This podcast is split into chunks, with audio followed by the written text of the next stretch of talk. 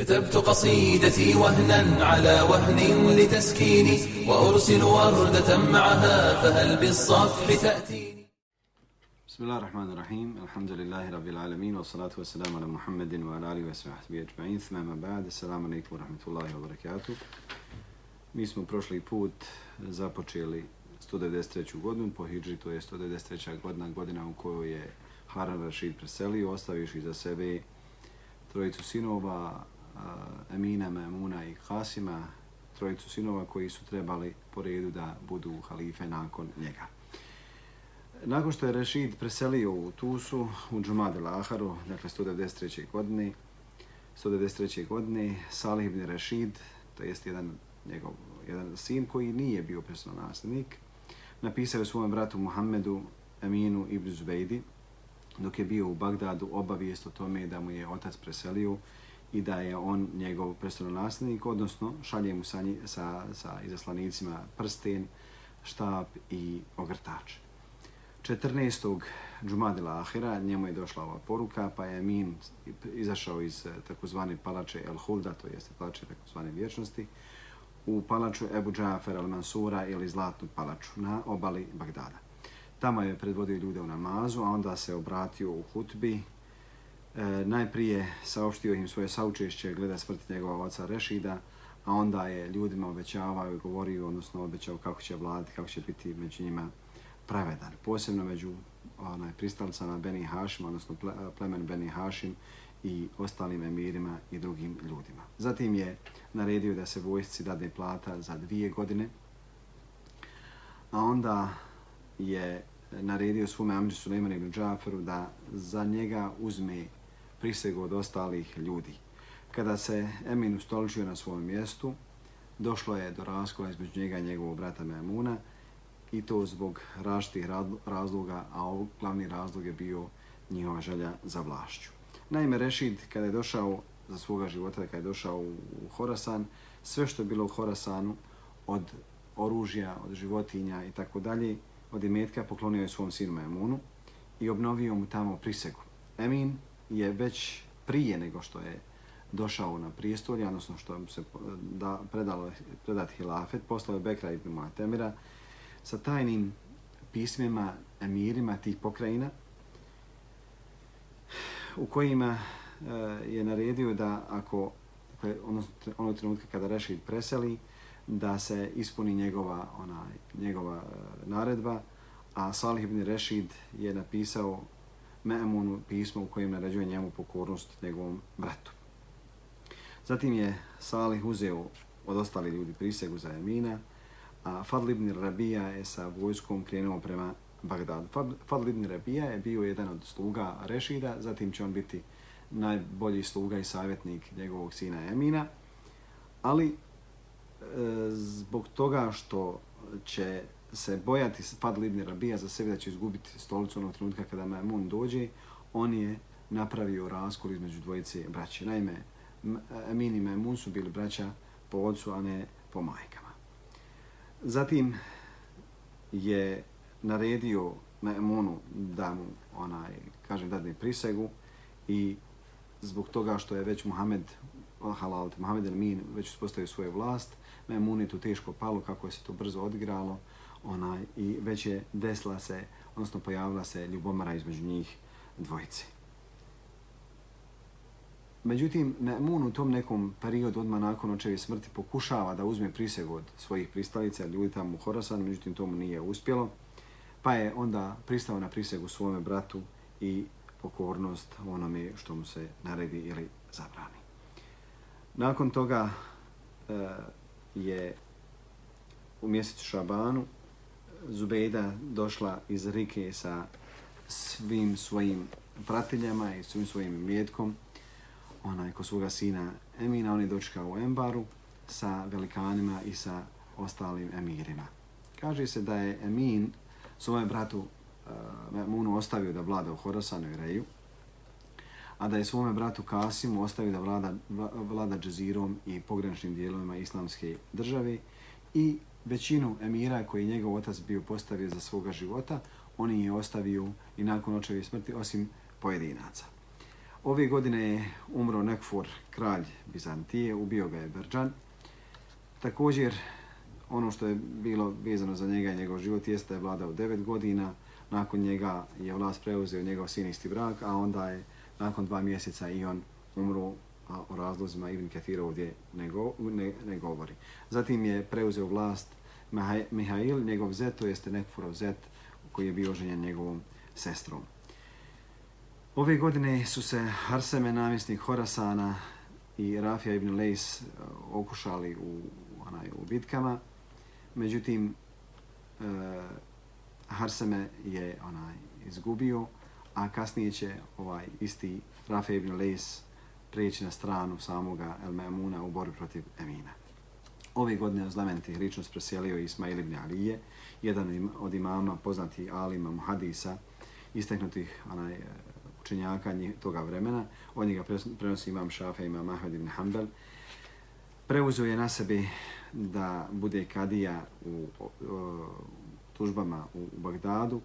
Također bio je nazornik Sadake i Zakijata u Basri. Bio je povjerljiv čovjek. Malo se, kaže, smijao, inače se bavio trgovinom odjeći.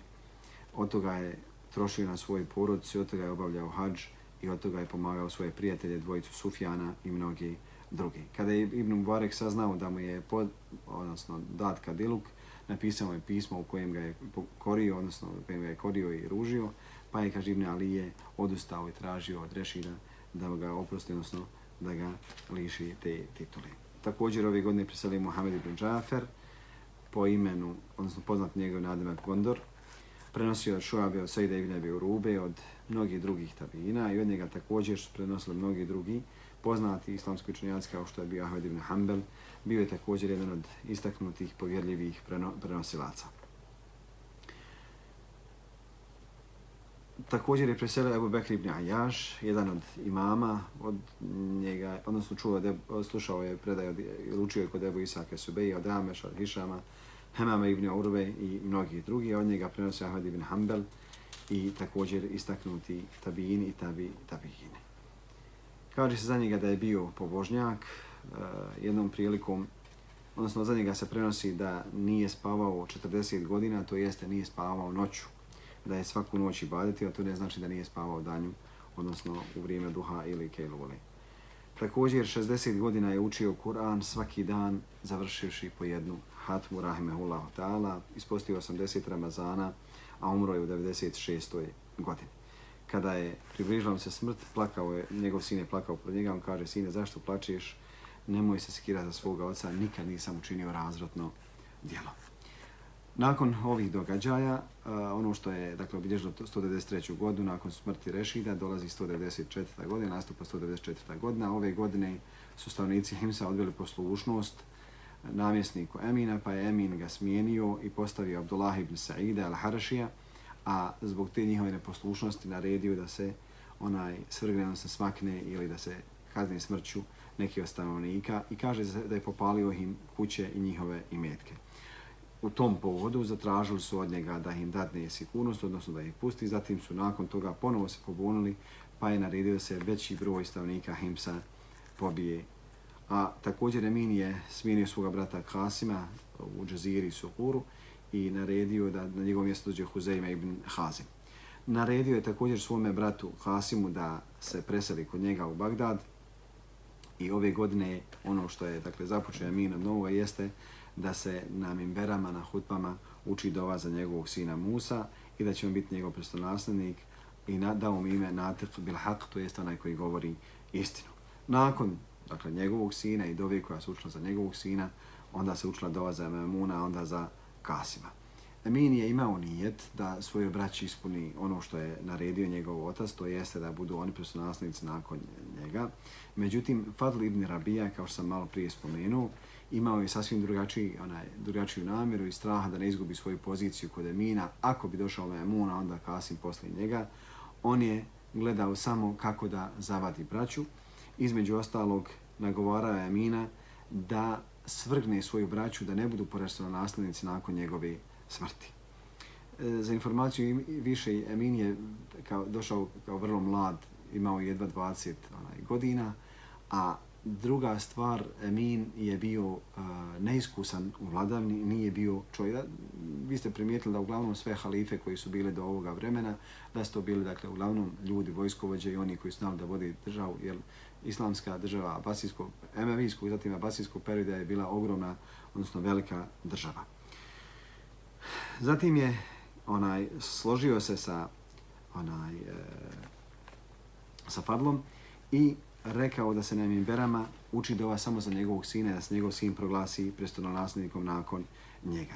Kada je Memun čuo za ovu vijest, prekinuo je sa njim sve odnose, prekinuo je razmijivanje e, eh, poruka, dakle to jeste pošte između njega i njegovog brata Emina. Zatim je razmišljao kako da mu se osveti zbog ovoga njegovog čina. Rafija ibn Lejs je poslao, Rafija ibn Lejs je čovjek koji se borio protiv njih, dakle i za vrijeme Rešida i nakon što je Emin preuzeo vlast, Rafa ibn Lis šalje Memun poruku da želi da ga posjeti, odnosno da želi da mu se približi ako mu on dadne sigurnost, pa ga je Memun počastio, naprotiv počastio, prihvatio ga i tako dalje i odredio njega kao vođom svojih čuvara.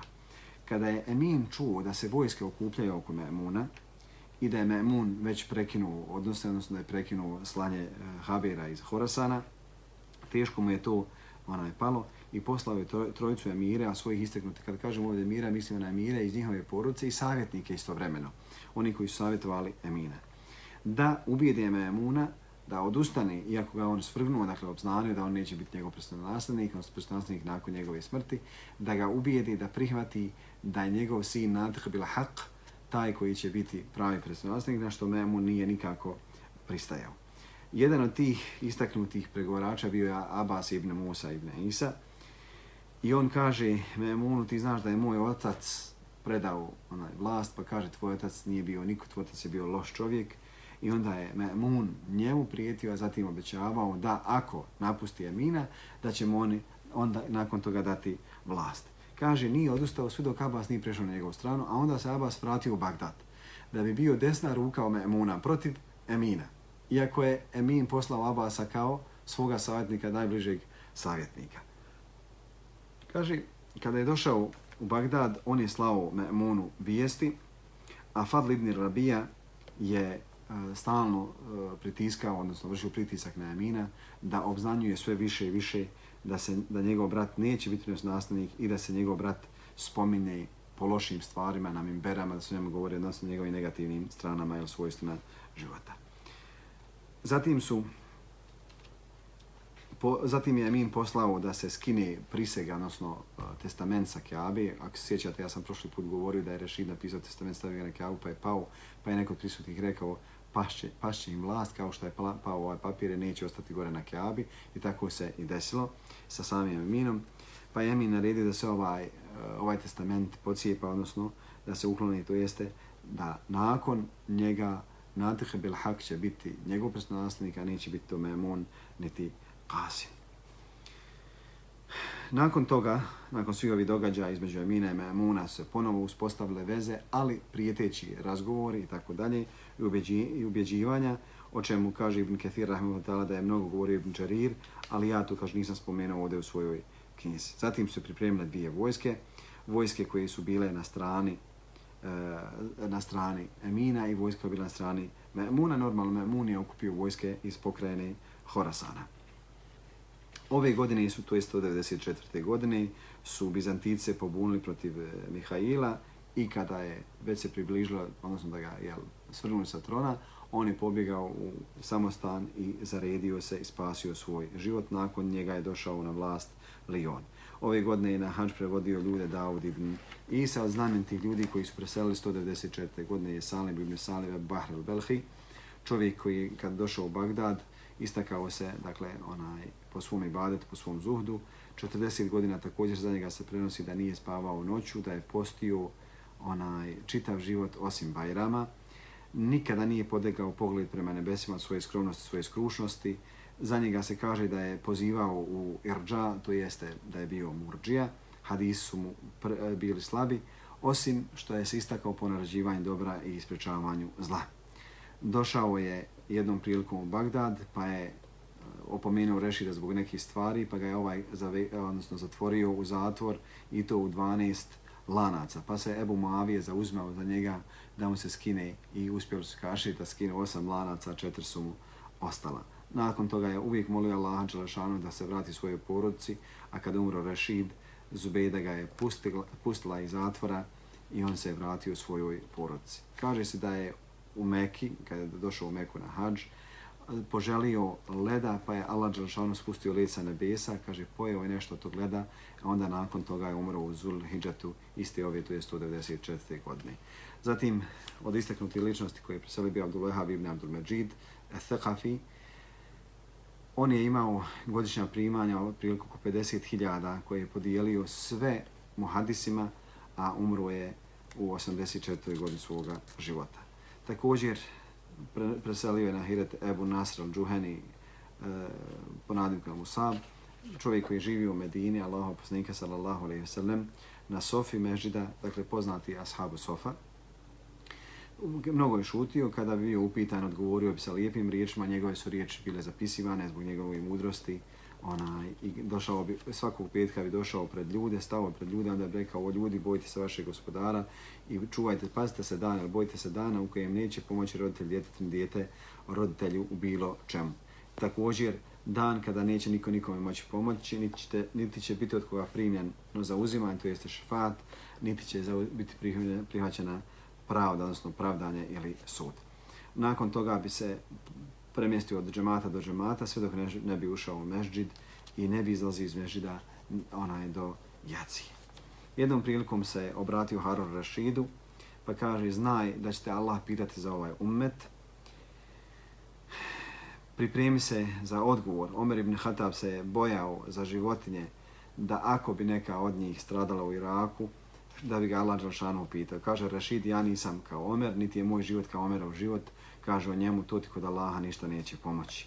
Kaže pa je Harun Rašida naredi da mu se dadne 300 dinara, on, kaže, on mu reče, dakle, onaj, Evo Nasr, kaže, podijeli stanovnicima Sofe, jer ja sam jedan od njih, onoliko koliko on dobiju, dobit ću i ja isto sa njima. Zatim je nastala 195. godina, ove godine u mjesecu Saferu, Emin je naredio ljudima da koriste dirheme i dinare u koj, na kojima, odnosno halalte zabranio da se koriste dinare na kojima je bilo ime njegovog brata Memuna. Zatim je zabranio da se spominje njegovo ime na Mimberama i da se samo spominje njegov sin nakon njega. Ove godine je Memun sebe proglasio kao imam al-mu'minin i u mjesecu Rabija Laharu ove godine je Min proglasio Ali ibn Isa ibn Mahana emirom uh, Džebela i Hemezana, Isfahana i Koma i tih dijelova. To je današnji dakle, dio Irana. Naredio je također da se pripreme vojske u borbi protiv Memuna, sakupio veliku vojsku, zatim je potrošio e, velike, odnosno ogromne količine novca.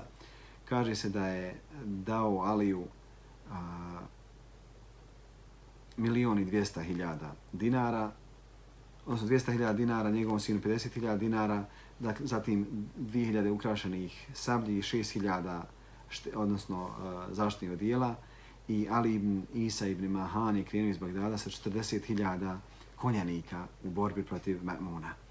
Također sa sobom je ponio srebrne lance u koje će, odnosno okove u koje će staviti Ma'muna. Emin je izašao sa njim kao dakle, onaj posrkivač sve do reja, a njima u susret je od strane Ma'muna krenuo Tahir, samo sa 4000 vojnika. Između njih je došlo nekoliko bitaka i pojeva u kojima je Ali ibn Isa onaj, izgubio život i njegovi dakle, saborci, a obezglavljen onako bio je odnešen odnosno od Emira Tahira i onda je napisao namjesnik, odnosno veziru Memuna po, po imenu Ziri Jasetein da je ubio Ali ibn Isa. Njega je ubio Tahir Savir, pa je dobio nadimak Zu Jeminen. Također, ono što se dakle prenosi jeste da je Sabri držao sa obje, oba dvije ruke kad ga je obezglavio i zbog toga je dobio takav nadimak, Allah najbolje zna. To je bilo, odnosno to je bila lijepa vijeza Memuna i kada je čuni, čuo Emin da, šta se desilo da je njegov vojskovođa ubijen, on je u tom trenutku bio na jednom od, od jezira jer ja sam, ja, sam, ja sam to malo prije preskočio da, da spomenem. Naime, Emin kad je došao na vlast, prvo je naredio da se naprave velika jezera i onaj e, trgovi na kojima će se loviti ribe, jer je volio onaj ribolov. Svaki halifa nešto što je volio, time se isticao i to je podržavao među svojim ljudima. Međutim, u ovom trenutku kada je došla vijest da je Ali ibn Isa ibn Musa onaj, ubijen, on je samo rekao, pustite me, jer je Kevser ulovio dvije ribe, ja nisam ni jednu. Nakon toga, ovaj haber se proširio među ljudima, jer je onaj e, bilo neprihvatljivo da on razmišlja o ribolovu i to da ga brine koliko je ulovio riba, da se ne, ne brine o vojsci koja je bila poražena. Te godine je pripremio Abdurrahman ibn Džubilu el-Enbarija sa 20.000 vojnika da se bori, odnosno prema Hamazanu, da se bori protiv Tahira ibn Huseina ibn Musaba, a sa svima onima koji su bili sa njim od stavnika Horasana. Kada se približili eh, on jednim drugima, došlo je do, do bitke i Abdurrahman ibn Džubile je ponovo bio poražen, to jeste Aminova vojska je bila ovaj poražena. Pa su pobjegli u Hamazan. Pa je Tahir opkolio, a onda je prisilio da zatraži primire. Kada je primire bilo potpisano, oni su navodno, Abdurrahman ibn Žubila i njegova vojska su krenuli onaj, prema Bagdadu, a onda su ona pratnja koja je bila od Tahirove vojske, to jeste od Memunove vojske, oni su ih prevarili i pokušali da, da ih pobiju i fakat su ubili jedan dio tih vojnika, a onda kada se osvijestio drugi dio vojnika, oni su ih savladali, pobili i, i rastjerali. I ovo je normalno bilo, onaj, teško palo Memuni, teško palo samom Tahiru. Kada se vratio ostatak njih u Bagdad, e, ta pobiđena vojska, već dva puta, odnosno poražena vojska, već su se počeli da prenose loše vijesti o vladavine Emina, to jest da je nesposobna se suprosti sa, sa svojim vojskama bilo kome, a ne akamo svome bratu. Ovo se dešavalo sve u Zulhidžetu ove godine, a Tahir je te godine kao najbolji ili najbliži savjetnik Memuna protjerao onaj namjesnike iz Kazvina i tog dijela islamske države. Memun je svakim danom postajao sve jači i jači i zauzmao je sve veće dijelove islamske države i ove godine se pojavio jedan od e, dakle, takozvanih samoproklamovanih emira al-Halifa Sufjani po imenu Ali ibn Abdullah ibn Khalid ibn Jezid ibn Muavi ibn Abi Sufjan pa je smijenio namjesnika Šama i pozvao sebi na prisegu, odnosno da on bude, da je on stvar njegov halifa. Pa mu je Amin poslao vojsku, onaj, koja nije došla do njega, nek su došli do Rike, a nešto će kasnije se o tome, inšala, ta događaju govoriti. Ove godine Hadž je predvodio onaj, muslimane Daud ibn Isa. Od istaknuti ličnosti preselili su Ishak ibn Jusuf al-Ezrek, jedan od poznatih mama hadisa, također Bekar ibn Abdullah ibn Musab, ibn Savit, jedan od eh, namjesnika Medine u vrijeme ovoga Haruna Rašida. Harun Rašid je u njegovom periodu naredio da se stanovnicima Medine podijeli milion i dvijesta hiljada zlatnika, to jeste dinara. Bio je također poznat po onaj svojoj plemenitosti. Ove godine je preselio Ebu Nevasa Šair. Ono što mi je bilo čudno, dakle, u samom pripremanju Dersa, jeste da mu Ibn Ketir poklonio ni manje ni više 12 stranica onaj, o njegovoj biografiji, zašto recimo pojedinim imamima nije poklonjao osim recimo dvije, tri strance. Mnogo stvari je ovdje spomenuo od njega. Njegovo ime je bilo Hasan ibn Hane ibn Sabah, Ebu Nevas al-Basri, njegov otac je bio stanika Dimeška od vojske koja je bila, odnosno vojske koja je služila Mervana ibn Muhammedu. Zatim se preselio u Ahvaz, današnji dio Irana. Ahvaz vam je dio pored arapskog ovoga zaljeva. Dakle, čita, odnosno većina ovoga Irana e, od neke sredine pa dolje prema jugu, to vam, to vam je dakle, dio Ahvaza. Oženio je sa ženom po imenu Haleban, pa mu je rodila ovoga Ebu Nevasa i još jednog sina Ebu Muaza. Ebu Nevaz je bio kontraverzna ličnost, kad kajem kontraverzna ličnost, čovjek koji je onaj na početku svoga života e, slušao hadise, prenosio je i od njega su prenosili poznati islamski učenjaci, on je prenosio recimo od Hamada ibn Zira, Hamada ibn Selema, od njega prenosio imam Šafi, Ahmed ibn Hanbel, Gondari i mnogi drugi alimi. Hadis koji se prenosi od njega, od Muhammeda ibn Ibrahima, od ibn Kesira, Sufija, od Hamada ibn Selebe, od Saveta, od Enesa, je Allah poslanik sallallahu alejhi ve rekao niko od vas neće umrijeti da ima lijepo mišljenje Allahu a zbog Allahu odnosno zbog lijepog mišljenja Allahu Allah će ga uvesti u džennet. Također prenosi se prenosi hadis od Hamada ibn Seleme, od Jezida i Rakaši, od Enesa ibn Malika, da je Allah poslanik sallallahu sam rekao, svaki vjerovjesnik ima, ostavio, odnosno ima šefa za sudnji dan, a ja sam moj, svaki vjerovjesnik ima šefat, ja sam svoj šefat ostavio za sudnji dan, za oni koji su počinili velike grije e, od moga umeta. A on mi govorio, zar me ne vidite takvim njegovih, dakle, njegove poezije je bilo mnogo čudnih situacija u kojima je, kada bi čuo hadisa Allahov poslanika sallallahu alejhi ve sellem, on bi spomenuo nešto od dakle, stihova, od, od prozije, od poezije, što ne bi nikakve veze imalo. Naprotiv, ljudi su ga optuživali za, zbog toga za herezu, ali Ibn Ketir kaže, on jeste bio griješnik, jeste imao čudne onaj pjesme, ali nije bio onaj heretik, to jeste nije otpao od Islama. Prenosi se u onaj u jednoj od predaji da je Ebu Nevas, prenosi od Ibn Adija u Kamilu od Ibn Abasa, me u Kufi Marfua predaju, kaže onaj ko se zaljubi, pa sačuva svoju četnost i prešuti tu svoju ljubav, e, čuvaj svoju četnost, ako umre, umrijeće kao šehid.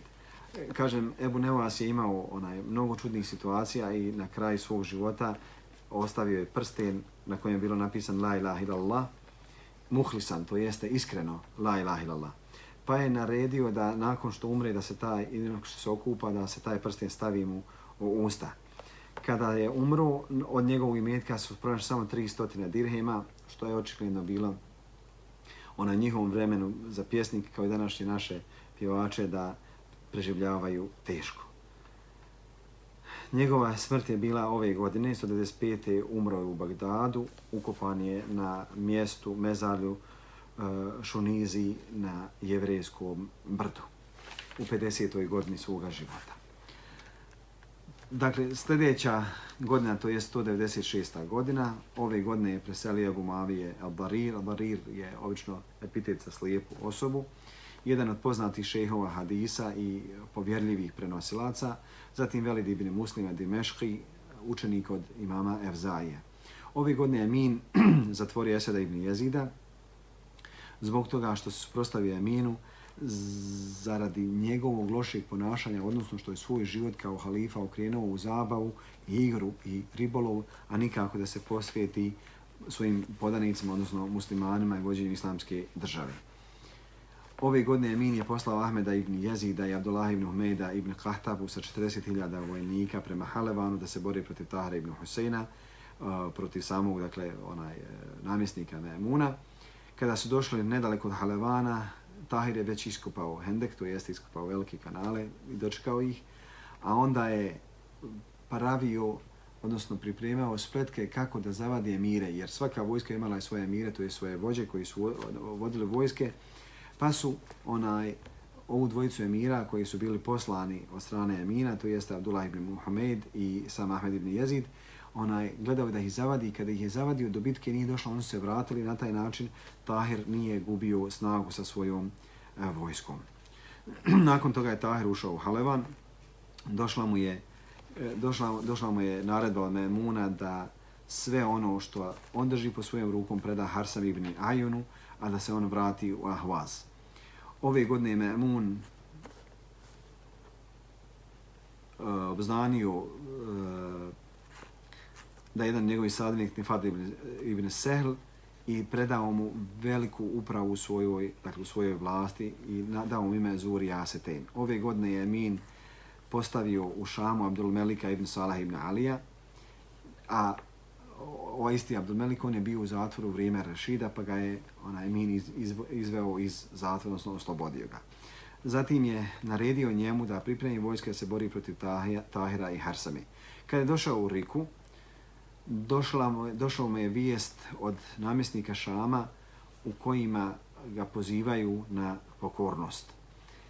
Odnosno, on je pozivan na pokornost. Jedan dio tih emira sa njemu priklonio, međutim, onaj u bitci koja se desla između ove dvije skupine, to jeste Eminovog tabora i Memunovog tabora, odnosno Abdulmelika i onaj Tahira i Harseme, Abdulmelik je onaj umro, a vojska se vratila u Bagdad pod vodstvom Huseina ibn Alija ibn Mahana.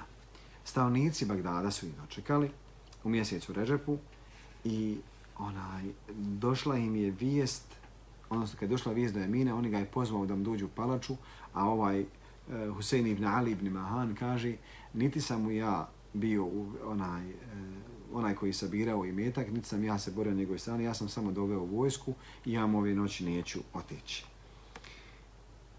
Ovdje već počinju, počinju problemi gdje on gubi svoju reputaciju, jeste Min gubi svoju reputaciju među svojim podanicima, onda je Husein ibn Ali ibn Mahan odbio i ujutru da ode kod Emina, nego je iskoristio da pred šamskom vojskom stane kao govornik i da ih podigne ili da e, povede ustanak protiv samog Emina. A onda je spomenuo njegove slabosti, od njegovih zabava, od njegovog ribolova i tako dalje i svega onoga čime se bavio i od svih grijeha i da kao takav nije onaj vjerodostojan, odnosno nije e, dostojan samog hilafeta. Ovim je Hasan ibn Ali ibn Mahan ubacio smutnju i velik broj ljudi je stao na njegovu stranu, a onda je Muhammed e, Elamin poslao mu konjicu koja ga je trebala da uhapsi. Pa je Husein naredio svojim prijateljima da siđu sa konja da se bore sa zemlji. Eminova vojska ih je rastirala i onda je ovom prilikom on uzeo, dakle Emin je uzeo prisegu za svoga sina Abdullaha al-Ma'muna. Za njegov, za, eh, zato što je pozivao na prisegu za Abdullaha Ma'muna. Kaže se da je ova vojska rastjerala Husein, eh, Huseina ibn Alija i nakon toga da je Husein ibn Ali uspio pobjeći, ali da ga je nakon toga, da je nakon toga bio vraćen Eminu, pa mu je Emin oprostio zbog svega onoga što se desilo, pa je ponovo isti taj Hasan ibn Ali ibn Mahan podigao onaj e, vojsku protiv Muhameda Emina, na, nakon čega je došlo do njegovog ubistva i na taj način je Emin uspio da uguši tu jednu pomoru, ali nije mu to pomoglo u samom smislu dakle, očuvanja njegovog, ovoga, njegovog pre, prijestolja. Kada je ubijen Husein ibn Ali ibn Isa, Fadl ibn Rabija je pobjegao i stao na stranu Tahir ibn Husena i na taj način je sam Amin bio oslabljen sa svih strana. Većina pokrajina su odbili poslušnost Aminu, dali su prisegu Mamunu, a Tahir je došao do Medajna, do Vasita i preuzimao vlast u onaj korist Mamuna od jednog do drugoga. Kaže se također da je ove godine Emin pripremio 400 zastava i sa svakom zastavom jednog emira koji je vodio vojsku da se bori protiv Harseme, pa se ove vojske susrelo mjesecu u Ramazanu, međutim Harsema ih je rasturio, odnosno rastirao njihove vojske, pobjedio ih, a u samom dakle, vrhu onaj koji je bio Ali ibn Muhammed ibn Isa ibn Nahik i uhapšen je i poslan je bio Memun. Zatim, nakon toga, dakle, totalno njegova vlast slabi, i Tahir se već približava Bagdadu, o tome ću inšala Tala govoriti onaj, sljedeći put, ovaj, a onda je iskoristio Tahir da svoje uh, špijune i svoje ljude već polako uvuče u vojsku onaj Emina i ovi njegovi špijuni, ili tako da kažem, što bi se kod nas reklo petokoronaši, oni su uspjeli da rasture, da rasloje sve ono što je ostalo od vojske od samoga Emina u Bagdadu polako ovo je dovelo do podijeljena ove stranke i na taj način je Emin bio skroz pripremljen za totalni e, gubitak. Tahir ibn Husein je došao sa svojim vojskama do vrata Enbara, a vi sjećate da sam, kad sam rekao da je Zubejda, onaj, da je susreo njen sin Emin u Enbaru, dakle on je već izgubio dobar dio onaj Iraka, tamo gdje je već bio u Bagdadu, i on se polako približavaju Bagdadu. To je bilo 12.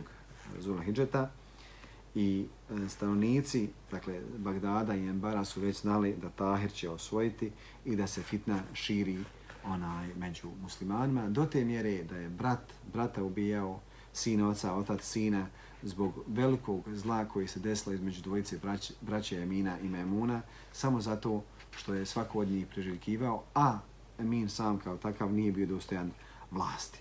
Ove godine je na hađ predvodio muslimana Abbas ibn Musa ibn Isa, El Hašimi od strane Tahira, već ga je Tahir, već je Tahir preuzeo Meku. I ovaj put, odnosno prvi put u Mekki Medini se spominje Memunovo imena Mimberama i a, proglašava se on kao halifa. Ove godine je na Hiret preselio Hafs ibn Gajat al-Qadi. Živio je preko 90 godina kada mu je došla smrt onaj, neki njegov prijatelj je plakali pored njega, on kaže, nikada nemojte, nemojte plakati za mene, ja nikada nisam počinio haram u životu. Onaj, niti su pred mene sjela dva parničara, a da sam vodio brigu kome ću presuditi, odnosno nisam, nijem srce nikad nagila da presudim nekome i protiv onoga drugoga, osim po onome što je pravda. Bez obzira, kaže, da li bio kralj ili bio obični čovjek. Abdullah ibn Merzuk također, Ebu Mohamed Zahid, bio je vezir, odnosno savjetnik od Rešida, ostavio je dakle, tu, svoje, onaj, tu svoju poziciju, posvetio se i a nakon svoje smrti naredio je da, odnosno ovasijetio da bude bačen na, dakle, on je ovasijetio da bude bačen na smetlište, ne bi mu se Allah smilovao zbog te njegove slabosti.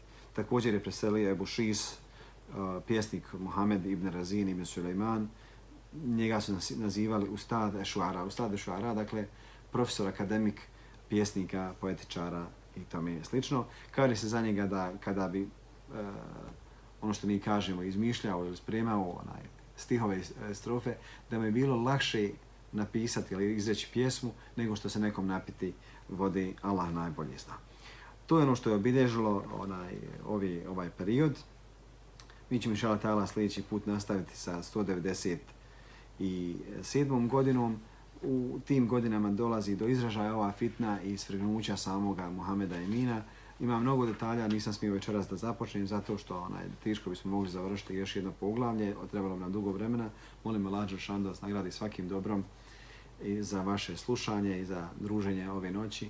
Mi se, inša Allah ta'ala, vidimo sljedeće srijede. Assalamu alaikum wa rahmatullahi wa barakatuhu. Sallallahu ala sayyidina wa nabila Muhammad wa ala Muhammad. Wa jazakumullah khairan jaza.